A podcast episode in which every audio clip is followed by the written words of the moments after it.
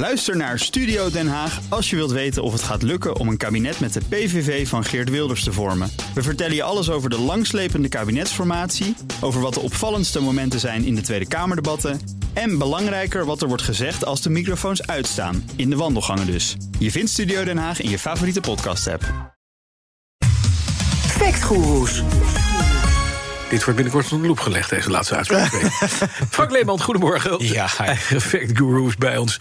Ophef in de wereld van encryptie door een mogelijke doorbraak in quantum computing. Ja, als we het artikel in de Financial Times moeten geloven van afgelopen donderdag, dan zeker. In het artikel is te lezen hoe een groep onderzoekers van samenwerkende Chinese universiteiten zeggen dat ze een manier hebben gevonden om in twee of drie jaar RSA-encryptie te kunnen kraken of breken. En RSA, dat is de meest gebruikte manier om data te beveiligen. Dus VPN-verbindingen gebruiken dat. E-mail gebruikt dat. Nou, eigenlijk heel veel beveiligde datatransfer gebruikt een vorm van RSA.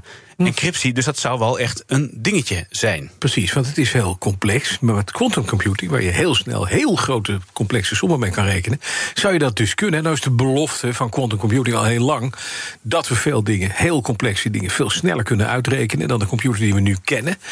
Uh, ja, dit is een logische ontwikkeling, zou je zeggen. Dit kan nu dus. Nou ja, het is inderdaad de belofte, zoals we allemaal kennen, hè, dat quantumcomputers inderdaad sneller zijn. Maar er zit dus wel wat nuance in. En ik sprak met Itan Barmes uh, de, uh, van Deloitte op Cyber Risk Services, expert op het gebied van encryptie en op het gebied van quantumcomputing. Dus dat is een handige combinatie in deze.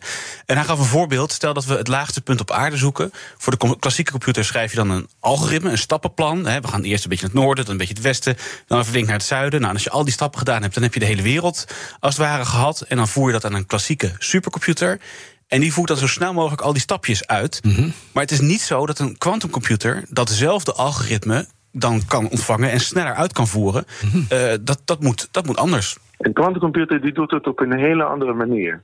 Die kan bepaalde operaties doen die een klassieke computer helemaal niet kan. Het gaat niet om snelheid. En die uh, building blocks van, van een quantumcomputer, uh, en dat is het hele vakgebied van quantumalgoritmes, is een algoritme bedenken die dingen kan doen die een klassieke computer helemaal niet kan, waardoor je een probleem uh, sneller en efficiënter werkt. Dus een klassieke, een klassiek algoritme moet je niet vergelijken met een kwantumalgoritme. Ze werken op een hele andere manier. Hmm. Die, en deze Chinese onderzoekers, Frank, die hebben een nieuw algoritme uitgevonden om die RSA-encryptie nu te kraken, of niet? Nee, niet. Uh, want er bestaat al jaren een algoritme wat RSA-encryptie zou moeten kunnen kraken. Er is een kwantumalgoritme wat al uh, ja, bijna 30 jaar bekend is. Dat heet uh, Shor's algoritme. Dat algoritme is bekend, is goed onderzocht en niemand gelooft dat dit dat die niet klopt. Dus dat is, dat is wel een beetje een feit. Uh, het is alleen zo dat we een hele grote kwantcomputer nodig hebben. Uh, en daar zijn we nog lang niet. Wel leuk hè, dat zo'n wetenschapper dan zegt... het is wel een beetje een feit. Goed, om, om, ja, om Shor's algoritme uit te voeren... zou je een quantumcomputer nodig hebben... die miljoenen qubits heeft. Dus zo, werkt die, zo heet die processor units, om het zo maar even te zeggen. 20 miljoen uh, qubits ongeveer. Nou, een IBM quantumcomputer van dit jaar... heeft ongeveer 400 qubits. Uh, en het aan elkaar regen van chips van bijvoorbeeld 400 qubits... totdat je er een paar tienduizend hebt... Dat is nog een enorm probleem, dus laat staan miljoenen. Maar in dit research paper, wat dus in het FT stond, uh, denken ze een andere route gevonden te hebben dan Shor's algorithm. Ze zouden dan ja, een QAOA-algoritme gebruiken. Dat kan je verder vergeten. Dat is een algoritme wat ook al jaren bestaat. En in een onderzoek laten ze die dan draaien op een kleine machine van minder dan 127 qubits. Maar of dat dan ook werkt voor het breken van RSA-cryptografie, daar zijn dus vraagtekens over. QAOA, dat, uh, dat algoritme, dat kun je implementeren op een veel kleinere computer dan Shor's algoritme. Dus dat is, stel dat, dat hun claim wel klopt, dan, dan zou dat wel betekenen dat je dat veel eerder kan, uh, dat je veel eerder cryptografie kan breken dan, dan we dachten. Alleen, er is geen bewijs en niet eens een hele sterke indicatie dat je met QAOA echte cryptografie kan breken. Ja, en die onderzoekers hebben een getal van 15 cijfers, teruggerekend naar een rekensom van het ene priemgetal maal het andere priemgetal. Maar een sterke RSA-sleutel is vaak meer dan 600 cijfers, dus dat is 40 keer complexer.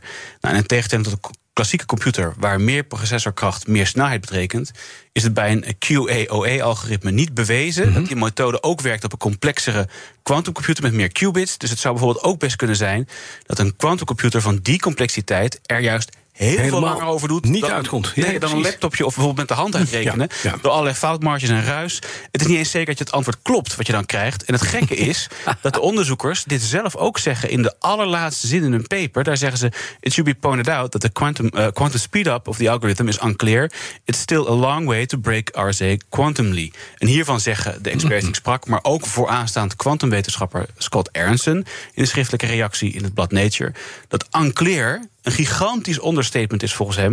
En volgens hem is er zelfs een wonder nodig om het QAOE-algoritme op een complexe quantumcomputer te laten draaien en voordeel te laten bieden Oké. boven een standaard supercomputer. Nou, maar zonder enorm de diepte in te gaan, Frank, zijn er al toepassingen waar die quantumcomputer iets heeft uitgerekend wat een normale PC, die volgens die normale eh, methodes werkt, niet zou hebben gekund? Nou, kortweg, nee. Op dit moment kan een quantumcomputer geen enkele relevante probleem oplossen wat een klassieke computer niet kan.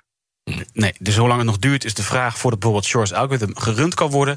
Het is zeker nog tien jaar of meer, maar er zijn in ieder geval nog heel veel drempeltjes te nemen. Maar de uitspraak over drie jaar is RSA-encryptie te breken met quantum computing is dus, ja, een beetje een long shot, hè? Ja, zeker. Het is een loze claim. En inmiddels zijn er ook heel veel reacties gekomen. Eh, In Nature stond dat dus. Van de internationale kwantumwetenschappers zeggen allemaal het is een loze claim. De onderzoekers hebben zelf ook gezegd dat ze die kanttekening die in de allerlaatste zin staat, dat ze die omhoog gaan verhuizen. Ja, ja. En wellicht hun statement iets zullen afvlakken. Dus ja, het is wellicht iets te veel bravoure of verkeerd ingeschat wat dit los zou maken in de community. Maar goed, het geeft wel aan eh, dat partijen actief bezig zijn om die RSA-encryptie versneld te kraken. Dus het is wel een goede waarschuwing voor de encryptie-community. Dat is helemaal duidelijk. Dankjewel, Frank Leeman, onze Bij BNR ben je altijd als eerste op de hoogte van het laatste nieuws. Luister dagelijks live via internet. Bas van Werven. En heel langzaam komt de zon op rond dit tijdstip. Je krijgt inzicht in de dag die komt op BNR, het Binnenhof in Nederland en de rest van de wereld. De Ochtendspits. Voor de beste start van je werkdag. Blijf scherp en mis niets.